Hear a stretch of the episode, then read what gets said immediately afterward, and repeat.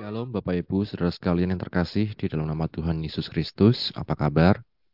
Puji nama Tuhan, pada sore hari ini kita dapat kembali bertemu secara online dalam program belajar bareng Tabernakel. Dan sebelum kita lebih lagi belajar bareng dan membahas firman Tuhan, mari sama-sama kita berdoa. Bapa, kami bersyukur untuk kesempatan yang kau beri pada kami di sore hari ini untuk belajar dari firman-Mu Bukalah hati kami dan pikiran kami dan mampukan kami ya Tuhan untuk dapat mengerti, memahami, dan juga melakukan firman-Mu. Roh Kudus sendiri yang memimpin tiap pemikiran kami dan pimpin hambamu dalam apa pun yang hambamu katakan biarlah itu semua daripadamu. Kami bersyukur dalam nama Tuhan Yesus kami berdoa. Haleluya. Amin. Puji nama Tuhan, Bapak Ibu Saudara sekalian, kita di sore hari ini akan kembali melanjutkan pembelajaran kita tentang tabernakel. Di waktu yang lalu kita sudah belajar bagaimana dalam tabernakel ini kita mulai mengenal tentang beberapa alat ya. Kita mulai dari pintu gerbang, kemudian masuk ke halaman, ada mesbah korban bakaran. Kita akan kembali sedikit mengulang. Ya, Bapak Ibu dapat menyaksikan di layar ya kalau di YouTube. Belajar bareng Tabernakel, sekarang kita sudah masuk di episode yang kelima. Bapak Ibu sudah sekalian, ini skema kemah suci atau gambaran umum, gambaran besar tentang kemah suci ada tiga bagian ya, dipisahkan tiga bagian halaman, ruang suci dan ruang maha suci. Dan di luarnya itu adalah luar halaman. Saat kita masuk ke halaman di pintu gerbang, ya kita bertemu dengan mesbah korban bakaran. Kemudian setelah itu ada kolam pembasuhan atau bejana pembasuhan. Kemudian kita masuk ke ruang maha suci yang dibatasi oleh pintu kemah. Di dalamnya ada meja roti atau meja roti sajian atau meja roti pertunjukan, kemudian ada juga pelita emas atau kandil. Kemudian di lebih ke dalam lagi ada mesbah dupa atau mesbah emas. Kemudian kalau kita mau masuk lebih dalam lagi, ada pemisah pintu tirai atau tabir.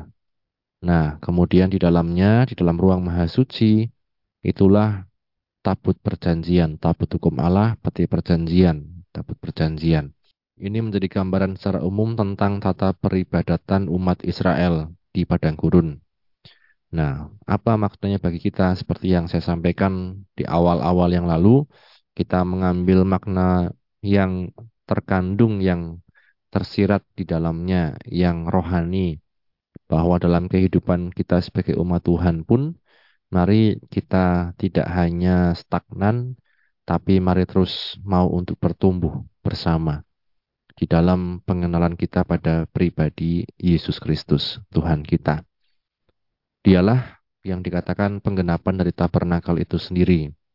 Dialah yang bertabernakel dalam kehidupan umat manusia. Ya, tabernakel juga menjadi satu tanda kerinduan Tuhan untuk hadir, untuk dekat dengan manusia, bersekutu dengan umatnya. Minggu lalu kita belajar tentang misbah korban bakaran. Yang di sini kita melihat gambar ini ada berbagai macam peralatan. Jadi bukan hanya misbahnya, ada kayu pengusungnya, ada eh, kemudian tempat untuk menaruh abu, menaruh darah, kemudian ada garpunya juga, ada seroknya juga, Nah, ini menjadi satu uh, tanda bagaimana kehidupan kita sebagai umat Tuhan. Dikatakan di sana ini garis besar arti rohani adalah bahwa kita melihat pengorbanan Tuhan Yesus di kayu salib, salib Kristus. Lihatlah dia anak domba Allah yang menebus dosa umat manusia. Nah, maka kalau zaman dulu orang mengorbankan domba, lembu, burung tekukur, dan burung merpati, dan lain-lain. Tapi ketika Yesus datang ke dalam dunia, dia menjadi korban yang sempurna. Nah, dia juga menjadi satu satunya juru selamat, jalan masuk kepada Bapa. Mesbah korban bakaran berarti rohani keampunan dosa dan juga tersalib dengan Kristus. Ini Bapak Ibu saudara sekalian. Maka kita sebagai umat Tuhan, apakah kita ingat tentang korban Kristus? Firman Tuhan katakan tidak ada pengampunan tanpa pengampunan maaf tanpa penumpahan darah di Ibrani 9 ayat 22. Kemudian darah itulah darah yang dicurahkan oleh Yesus itulah yang dikatakan menyucikan hati nurani kita oleh rohnya yang kekal ya. Jadi ada kerjasama antara Tuhan Yesus, Roh Kudus, dan juga Bapa Surgawi.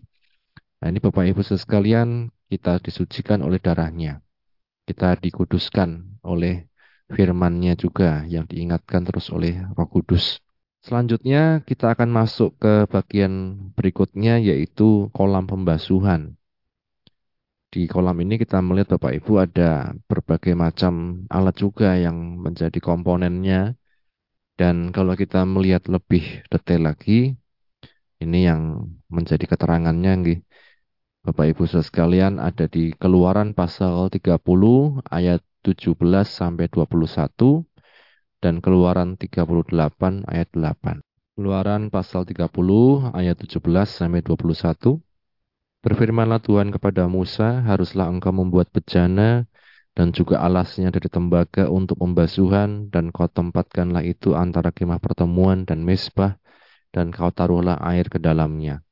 Maka Harun dan anak-anaknya haruslah membasuh tangan dan kaki mereka dengan air dari dalamnya. Apabila mereka masuk ke dalam kemah pertemuan, haruslah mereka membasuh tangan dan kaki dengan air supaya mereka jangan mati Demikian juga apabila mereka datang ke mesbah itu untuk menyelenggarakan kebaktian dan untuk membakar korban api-apian bagi Tuhan, haruslah mereka membasuh tangan dan kaki mereka, supaya mereka jangan mati, itulah yang harus menjadi ketetapan bagi mereka untuk selama-lamanya, bagi dia dan keturunannya turun-temurun. Kemudian, di ayat pasal 38 ayat 8, pasal 38 ayat yang ke-8, Dibuatnyalah bejana pembasuhan dan juga alasnya dari tembaga, dari cermin-cermin para pelayan perempuan yang melayani di depan pintu kemah pertemuan. Amin. Berbahagia setiap kita yang baca, mendengar, dan juga yang melakukan firman Tuhan. Kalau kita lihat ayat-ayat ini Bapak Ibu saudara sekalian, para imam harus dikatakan membasuh tangan dan kaki dengan air supaya mereka jangan mati. Demikian apabila mereka datang ke mesbah itu untuk menyelenggarakan ke kebaktian dan untuk membakar korban api-apian mereka harus membasuh tangan dan kaki mereka supaya mereka jangan mati. Inilah yang menjadi ketetapan bagi mereka untuk selama-lamanya bagi dia dan bagi keturunannya turun-temurun. Kalau kita lihat Bapak Ibu sekalian dalam kehidupan eh, para imam ini begitu berat ya. Kalau saya katakan begitu berat karena konsekuensinya adalah mati. Kalau melakukan hal yang keliru, hal yang salah. Konsekuensinya mati. Kalau mau menyelenggarakan kebaktian, mau e, mempersembahkan korban di mesbah, dikatakan mereka harus membasuh tangan dan kaki. Kalau masuk kemah juga membasuh tangan dan kaki. Kalau kita pikir hal yang simpel ya untuk kebersihan, untuk kepantasan ya kalau di zaman uh, pandemi kita lihat Bapak Ibu 3M ya mencuci tangan, memakai masker, menjaga jarak. Nah ini ternyata sejak zaman dulu sudah diperintahkan Tuhan ya untuk para imam mencuci tangan, kaki, membasuh ya, kemudian baru masuk kemudian apa menyelenggarakan kebaktian, mempersembahkan korban, beribadah dan lain sebagainya. Bapak Ibu saudara sekalian kalau kita lihat terdiri dari kolam dan juga ada kaki-kakinya ya maksudnya penyangganya itu. Itulah kolam pembasuhan atau bejana pembasuhan. Dibuat dari tembaga Kemudian apa yang dikatakan yaitu cermin tembaga perempuan-perempuan Israel. Jadi pengorbanan gitu, perempuan-perempuan Israel di masa itu pelayan-pelayan perempuan dikatakan mengorbankan cerminnya untuk dipakai sebagai uh, satu alat untuk membuat bejana pembasuhan. Diisi dengan air, kemudian letaknya antara pintu kemah dan mesbah korban bakaran. Gunanya untuk mencuci kaki tangan imam-imam sebagai syarat pelayanan. Dan kita lihat tadi kalau syarat ini tidak dipenuhi bisa mati. tentu para imam saat itu sangat, kalau saya katakan sangat higienis, sangat bersih karena mereka harus mencuci kalau tidak mati. Kalau di zaman pandemi kan kalau tidak cuci tangan hanya dihimbau ya, orang tidak tahu. Tetapi kalau zaman dulu Tuhan yang tahu bagaimana apakah para imam ini mencuci tangan dan kakinya untuk menyelenggarakan kebaktian, untuk mempersembahkan korban dan sebagainya. Ini ada beberapa istilah ya dari kolam pembasuhan dikatakan ada kolam pembasuhan tembaga, kemudian ada bejana pembasuhan tembaga, ada kaki, kaki alas, kemudian cermin-cermin semua ya. Ini sama. Nah, ini Bapak Ibu sekalian kalau secara uh, rohani, secara apa saya katakan pengertian, kalau kita lihat dikatakan kolam ini berhubungan dengan kematian dan kebangkitan Tuhan Yesus. Karena apa? Dihubungkan dengan baptisan air. Kita lihat dalam Roma pasal 6 ayat yang keempat. Dengan demikian kita telah dikuburkan bersama-sama dengan dia oleh baptisan dalam kematian, supaya sama seperti Kristus telah dibangkitkan dari antara orang mati oleh kemuliaan Bapa, demikian juga kita akan hidup dalam hidup yang baru. Ya. Dengan demikian kita dikuburkan bersama-sama dengan dia oleh baptisan dalam kematian supaya sama seperti Kristus telah dibangkitkan dari antara orang mati oleh kemuliaan Bapa dikatakan demikian juga kita akan hidup dalam hidup yang baru. Nah ini Bapak Ibu, kita lihat apa yang dikatakan oleh firman Tuhan ini berhubungan dengan tadi ya, kematian dan kebangkitan Tuhan Yesus. Jadi kalau orang masuk dalam baptisan air, ya kalau dalam gereja Pantai Costa menganut baptisan selam. Karena apa? Melambangkan kebangkitan, melambangkan kematian, dikuburkan, terselam dan kemudian kebangkitan dinaikkan lagi ya. Jadi mati bangkit. Nah ini Bapak makanya dikatakan itu selam. Nah dalam pengertian rohani dikatakan ini adalah pengalaman baptisan air. Pengalaman baptisan air. Kemudian pengalaman hidup baru bersama dengan Tuhan. Bapak Ibu sekalian kalau kita menghubungkan dengan kehidupan para jemaat atau orang percaya dan pelayan-pelayan Tuhan, salah satu persyaratan dalam melayani adalah dia harus masuk baptisan air terlebih dahulu. Dia harus mengerti tentang kematian dan kebangkitan Tuhan Yesus. Menghargai, maka pelayanan itu akan menjadi sesuatu yang betul-betul dia syukuri. Bukan hanya untuk menunjukkan kemampuan, menunjukkan skill, menunjukkan eksistensi, tapi pelayanan itu menunjukkan suatu kebersyukuran kepada Tuhan ya maka dia harus melewati baptisan air terlebih dahulu. Nah, pengalaman baptisan air ini Bapak Ibu juga dialami oleh seorang sida-sida. Ya kalau kita lihat dalam kisah para rasul pasal yang ke-8, kisah rasul pasal 8 mulai ayat 29, lalu kata roh kepada Filipus, pergilah ke situ dan dekatilah kereta itu. Filipus segera ke situ dan mendengar sida-sida itu sedang membaca kitab Nabi Yesaya. Kata Filipus, mengertikah Tuhan apa yang Tuhan baca itu? Jawabnya, bagaimanakah aku dapat mengerti kalau tidak ada yang membimbing aku? Lalu ia meminta Filipus naik dan duduk di sampingnya. Nas yang dibacanya itu berbunyi seperti berikut. Seperti seekor domba ia dibawa ke pembantaian. Dan seperti anak domba yang keluh di depan orang yang menggunting bulunya, demikianlah ia tidak membuka mulutnya. Dalam kehinaannya berlangsunglah hukumannya Siapakah yang akan menceritakan asal-usulnya? Sebab nyawanya diambil dari bumi. Maka kata sida-sida itu kepada Filipus, Aku bertanya kepadamu tentang siapakah Nabi berkata demikian, tentang dirinya sendiri atau tentang orang lain. Maka mulailah Filipus berbicara dan bertolak dari nas itu, ia memberitakan Injil. Yesus kepadanya. Mereka melanjutkan perjalanan mereka dan tiba di suatu tempat yang ada air. Lalu kata sida-sida itu, lihat di situ ada air. Apakah halangannya jika aku dibaptis? Sahut Filipus, jika Tuhan percaya dengan segenap hati, boleh. Jawabnya, aku percaya bahwa Yesus Kristus adalah anak Allah. Lalu orang Ethiopia itu menyuruh menghentikan kereta itu dan keduanya turun ke dalam air. Baik Filipus maupun sida-sida itu dan Filipus membaptis dia. Ya, kalau kita lihat dari ayat-ayat ini bahwa baptisan air itu menjadi satu bukti, menjadi satu komitmen orang percaya dalam mereka beriman pada Tuhan Yesus. Jadi kalau saya katakan Bapak Ibu saudara sekalian baptisan air itu bukan sekedar syarat melayani Tuhan. Karena sering kali orang dapat memiliki kesan seperti itu. Mau melayani, sudah dibaptis belum? Nah gitu kan sering. Tapi akhirnya saya mau dibaptis hanya untuk melayani. Nah itu salah lagi. Padahal kita seharusnya dikatakan mengerti, percaya, dan dikatakan dengan segenap hati seperti sida-sida Ethiopia ini apa dikatakan di ayat 37. Lalu sahut Filipus, jika Tuhan percaya dengan segenap hati boleh. Jawabnya, aku percaya bahwa Yesus Kristus adalah anak Allah. Aku percaya, kemudian dia dibaptis. Jadi bukan dalam pikirannya, aku mau melayani, aku dibaptis. Ada lagi orang, aku mau menikah, dibaptis. Nah ini bisa keliru Bapak Ibu Saudara sekalian. Kalau kita dibaptis hanya karena mau melayani, mau menikah atau mau ada syarat-syarat apa, bisa jadi iman yang salah, iman yang dangkal. Padahal kalau kita lihat, kalau berbicara tentang air, Bapak Ibu sekalian berbicara tentang penyucian, berbicara tentang orang kalau mandi itu kan ada air. Nah, berbicara tentang hal-hal yang membersihkan.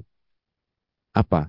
Iman kita kepada Tuhan Yesus bahwa dia sudah mati di kayu salib kemudian mempersembahkan tubuh jasmaninya menjadi korban yang sempurna kepada Bapa di sorga. Untuk apa? Menebus dosa umat manusia.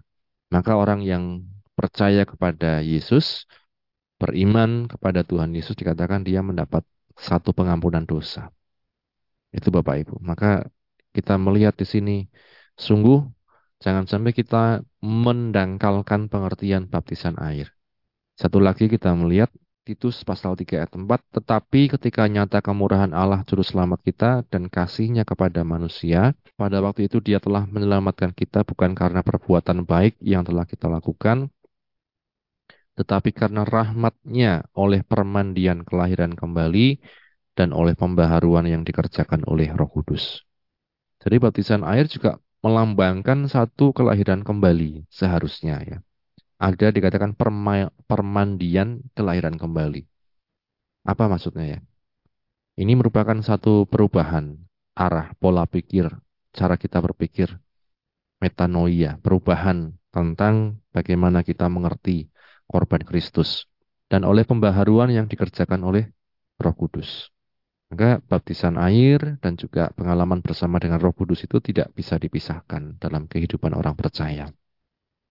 Jangan hanya kita berpikir, wah saya sudah dibaptis, saya sudah melayani, saya sudah setia, sudah selesai.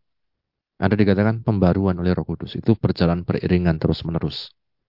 Nah, maka Bapak Ibu Saudara sekalian kita melihat dalam pengalaman kolam pembasuhan ini tentu pertama kita mengerti pengertian dasarnya awalnya bahwa itu untuk para imam membasuh kaki, tangan untuk mereka melayani, untuk mereka masuk kemah untuk mereka mempersembahkan korban. Kita pun sebagai orang percaya, imam-imamnya Tuhan, perhatikan setiap kehidupan kita. Jangan sembarangan dalam kita beribadah, jangan sembarangan dalam melayani, baik kebersihan jasmani, kebersihan rohani, dan lain sebagainya.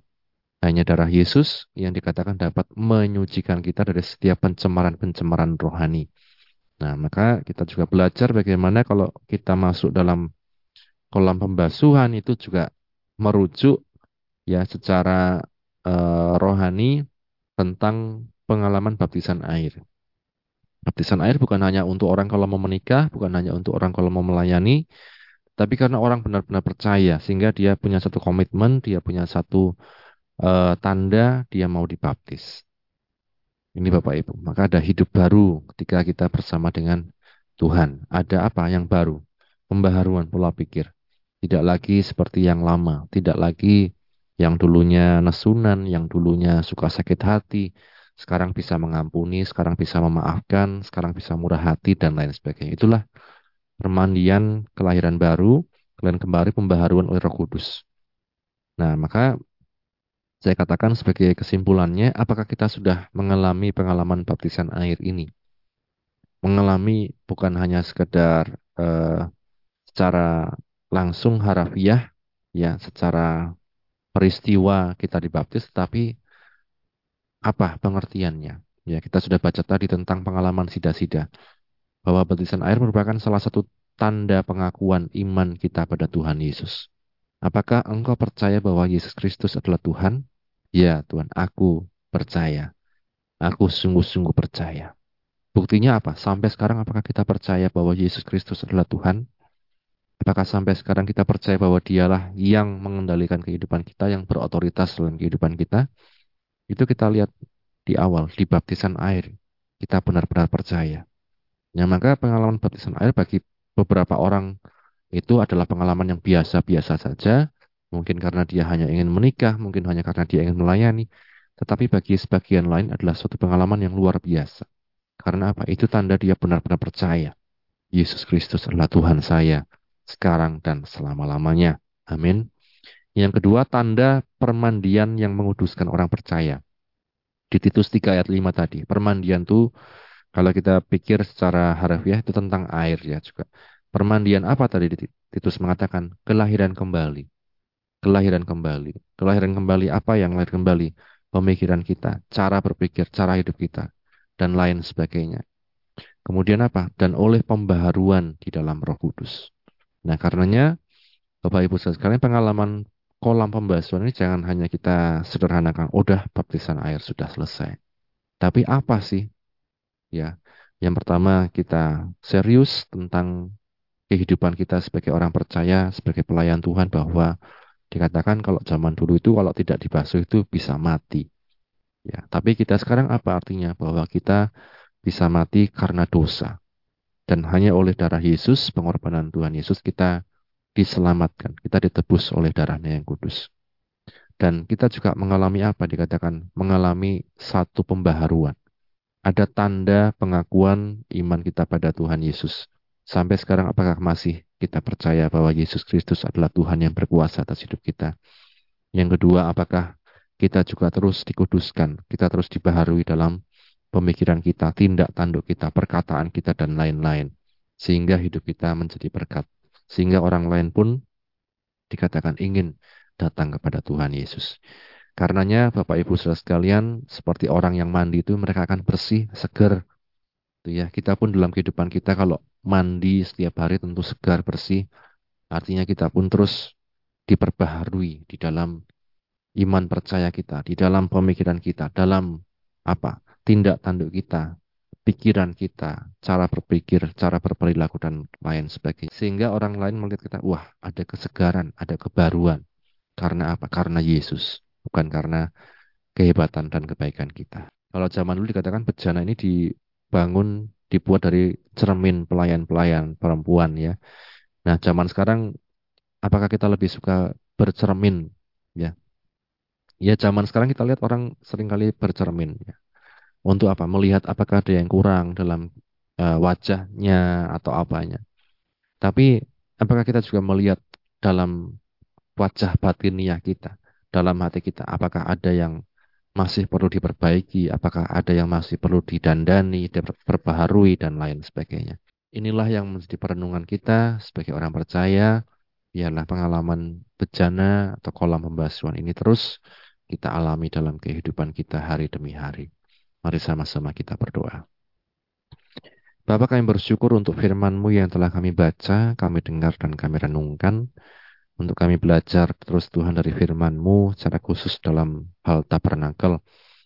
Tolong kami untuk menjadi pelayan-pelayan-Mu yang selalu ingat akan Engkau, yang selalu mengalami pembaharuan dalam Engkau, sehingga kami terus mengalami kesegaran Tuhan, baik rohani dan jasmani di dalam Engkau. Berkatilah anak-anak yang sudah mendengar firman-Mu di mana pun mereka berada, mereka yang sakit disembuhkan, yang lemah dikuatkan, yang susah dihiburkan, yang dalam pergumulan apa pun Engkau yang berikan jalan keluar. Terima kasih Bapak, kami bersyukur untuk penyertaan dalam uh, acara kami Tuhan di sore hari ini. Dan akhirnya kami tutup Tuhan, di dalam nama Tuhan Yesus kami sudah berdoa mengucap syukur. Haleluya. Amin. Di nama Tuhan, Tuhan Yesus memberkati kita sekalian. Amin.